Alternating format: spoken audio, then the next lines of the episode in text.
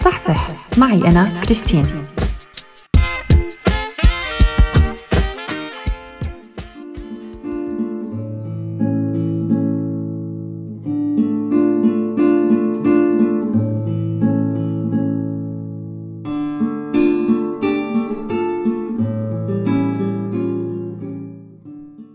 إنه النازحين واللاجئين يلي بيعيشوا بمجتمعات مضيفة هن من أكثر الناس يلي بحاجة للدعم النفسي والعلاجات. بس الموضوع كتير صعب وشائك وغالبا ما بيتلقى اللاجئ يلي معرض لعدد كبير من الصدمات أي علاج نفسي لأسباب كتيرة منها اللغة والضغط الكبير على الدول اللي عم بيتواجدوا فيها اللاجئين. الشيء الغريب إنه بعض اللاجئين بالدول القريبة من سوريا مثل الأردن ولبنان عم بيكون فيها التركيز على الجانب النفسي أكثر من دول اللجوء الأوروبية. يمكن لأنه بيعتبروا إنه خلص صار اللاجئ ببر الأمان. بس للحقيقة الموضوع عم بينعكس بشكل كتير كبير على اللاجئين بشكل عام والسوريين على وجه الخصوص ويلي هن بحاجة ماسة لهذا الشيء. من جهة تانية ممكن يكون وجود عدد كبير من الجمعيات بالدول الأوروبية والجهات يلي موجودة قبل موجة اللجوء بخلي البوصلة تضيع وما يقدر اللاجئ يعرف لوين عم بيتوجه. بينما وجود عيادات مختصة بالمخيمات بالدول الأقرب جغرافيا لسوريا وهي العيادات عم بتركز على اللاجئين عم بيخلي الوصول للعلاج النفسي أسهل. كمان التأمين الصحي بعدد من الدول الأوروبية ما بيتضمن العلاج النفسي بأغلب الحالات. وما فينا ننسى أكيد الحاجز النفسي عند الشعوب العربية وموقفها السلبي من الأطباء النفسيين بشكل عام.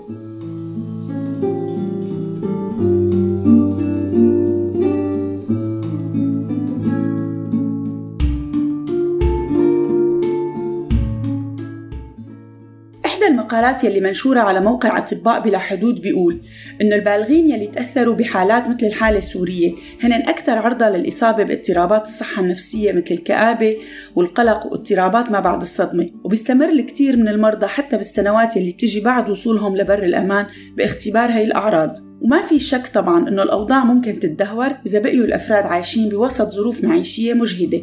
هاي العوامل بتأدي لكتير تحديات لأنه المرضى رح يعانوا من أمراض مزمنة وصعوبات مالية وضغط عائلي وآثار العنف. هذا الشيء رح يؤدي لمشاعر الحزن والأسى إما على ذكرياتهم بمنازلهم يلي خسروها أو على فقدان أشخاص عزيزين على قلوبهم. وأكيد رح تكون نتائجها ببعض الأحيان كارثية على الأشخاص حتى بعد وصولهم لبر الأمان. صح.